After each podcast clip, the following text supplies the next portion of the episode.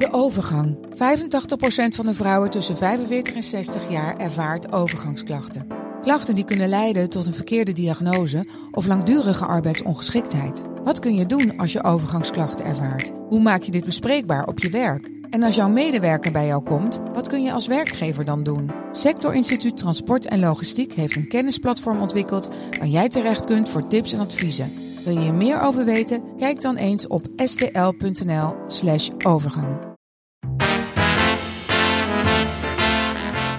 Dit is Strik Privé, de dagelijkse showbiz-update met Evert Zandgoeds en Jordi Versteegde.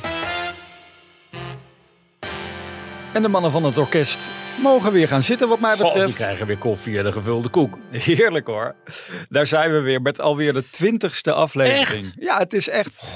Ja, als je We dagelijks zijn doet. bijna zilver. Ik, zit, eh, ik zag net de hoofdredactie lopen hier. Ja. En die zijn al aan het nadenken over hoe groot de taart moet zijn voor ons jubileum. Oh, nou, dat stel je niet te veel voor hier. Nee, dat wordt een koekje. Hè? Ja, Nee. een koekje van eigen deeg.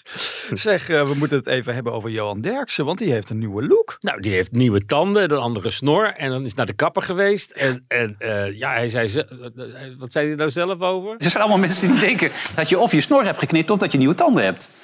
Eh, ik heb eh, twee nieuwe kronen, dat klopt ja. Ja, ja, echt maar allemaal ik mensen- weet niet of die tandarts ze bij een paard weggehaald heeft. Maar Lang voor jouw tijd. Op woensdagmiddag had je de kinderserie. Dat was Gompie. En Gompie, dat was een walrus. En die zei, Gompie, krijg ik nou een knuffeltje? Daar deed het mij een beetje aan denken. Maar dan moeten we echt terug naar de jaren zestig om Gompie te zien. Maar die had ook zo'n snor. En ook van zulke tanden. Dus eh, ja. Nou, ik voel me een beetje Gompie. dom eigenlijk. Want ik was, we hebben het daar gisteren in de podcast over gehad. Ik was natuurlijk Jij was bij hem. Toen was het je niet opgevallen. Het was me gewoon echt gewoon... Of, of althans, ja, wat zeg je tegen iemand als je hem voor de eerste keer zo ziet thuis? Dan ga je toch niet meteen Nee. zeggen van heb je nieuwe tanden. Dus Nee, en had hij de privé gelezen of niet? hij Dan- had, ja, dat, ja, dan dat- was hij bij de tandarts geweest. Had je het ook kunnen weten Nou ja. natuurlijk. We moeten de mannen trouwens wel oprecht feliciteren. Ja, hè, die want- kijkcijfers hebben meteen is SBS 6 weer uit het dal getrokken. Ja. Dat is toch wel heel knap als je dat als Nederland er gewoon weer voor gaat zitten. Dan hebben we er weer zin in. En ze zijn er ook allemaal weer, die kijkers. Dat is toch wel bijzonder, ja. 783.000. Dat is behoorlijk. Dat hebben we de afgelopen maanden niet gehaald op die zender. Precies. Ja, heb jij iets van die paniek gemerkt? Want jij bent natuurlijk ook daar eh, werkzaam. Nee, je doet gewoon je werk en de volgende ochtend om half acht zie je die kijkcijfers. En dat valt dan een beetje tegen. Hoewel shownieuws zich aardig overeind hield hoor, de- gedurende zomer. Maar Ja. het, is, eh, het is wel belangrijk welk programma er voor je zit. Want mensen blijven dan eerder hangen dan dat ze speciaal om eh, elf uur daarvoor af moeten stemmen. Dus eh, we zijn allemaal blij dat ze er weer zijn. Kijk, eh, heb jij ruimte ergens in je hoofd voor een stukje poëzie? Vroeg ik me af. Poëzie, ik neem net een slok koffie, dat schrik me op. Nou, daar gaat hij hoor. Ik ga toch even voorlezen wat ik hier tegenkwam. Eh, blauwe luchten lachen me tegemoet. Niets dan blauwe luchten zie ik. Waar blijft dat eh, romantische muziekje trouwens? Blauwe lijsters zingen een lied. Niets dan lijsters, de hele dag door. Nou, je bent eh, Jan van Veen. Ja, ik heb geoefend. Ik ben bij hem in de leer gegaan. Maar dit, dit is dus Whalen gisteren die zijn Instagram kanaal weer eigenlijk een beetje nieuw leven Met inblies. deze tekst. Met deze tekst. Nou, het is bijna Toon Hermans. Maar kunnen we hieruit opmaken, denk je dat het weer een beetje goed gaat met Whalen nadat hij vreemd is Nou, als je blauwe luchten ziet, dan, eh, dan eh, zijn de wolken verdwenen. En die hingen er wel een tijdje natuurlijk, de hele zomer. Ja, nee, Ja. Je, je zou zeggen, ook, er stond ook zo'n gezellig familieplaatje bij, toch? Ja, met zijn Dat kinderen. het de goede kant op gaat en dat de crisis misschien overwonnen is. Nou, dat zou mooi zijn, want ja, als je zulke jonge kindjes hebt, dan kun je maar beter bij de moeder blijven, toch? Voor die kindjes en, en voor je eigen geluk ook. Want ja, als, als, als die kinderen net geboren zijn, had je het een negen maanden geleden nog zo hartstikke leuk met elkaar. Ja. Ja, ongetwijfeld wordt dit misschien wel eh, een nieuwe songtekst op een vergevingsalbum. Hè? Want dat doen artiesten meestal. Dan, dan gaan ze het allemaal verwerken in Ja. muziek. Hè? Ja. Ja.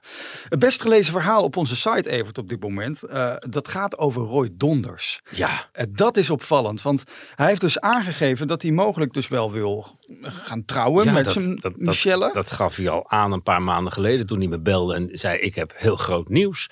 Ik denk, nou, wat zou dat zijn? Nieuwe liefde, nieuwe vriend. En toen bleek het een vriendin te zijn. Hij kreeg gewoon tegenwoordig een harde krul van, van Michelle.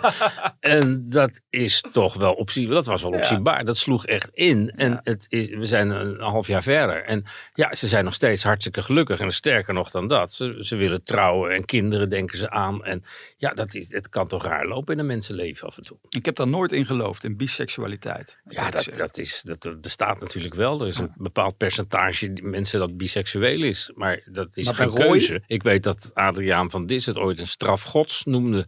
En Roy was natuurlijk wel de ubernicht van, van, van het zuiden. Ja. En de stylist van het zuiden. Maar ja, ik heb daar nooit aan gedacht dat hij nog eens met een vrouw zou komen. Dus op het moment dat hij dat aankondigde en wij de foto's ook als eerste kregen, ja, stond ik er wel van te kijken. En dat doe ik nog een beetje. Maar ja, je kan het niet eh faken allemaal. Dus als hij dit allemaal meent en doet, dan, dan wens ik ze een prachtige toekomst samen. En het is allemaal mogelijk, blijkt. Het tij kan keren, laten we maar zeggen.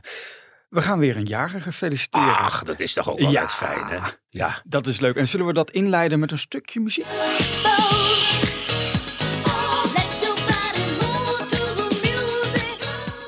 Dit is er.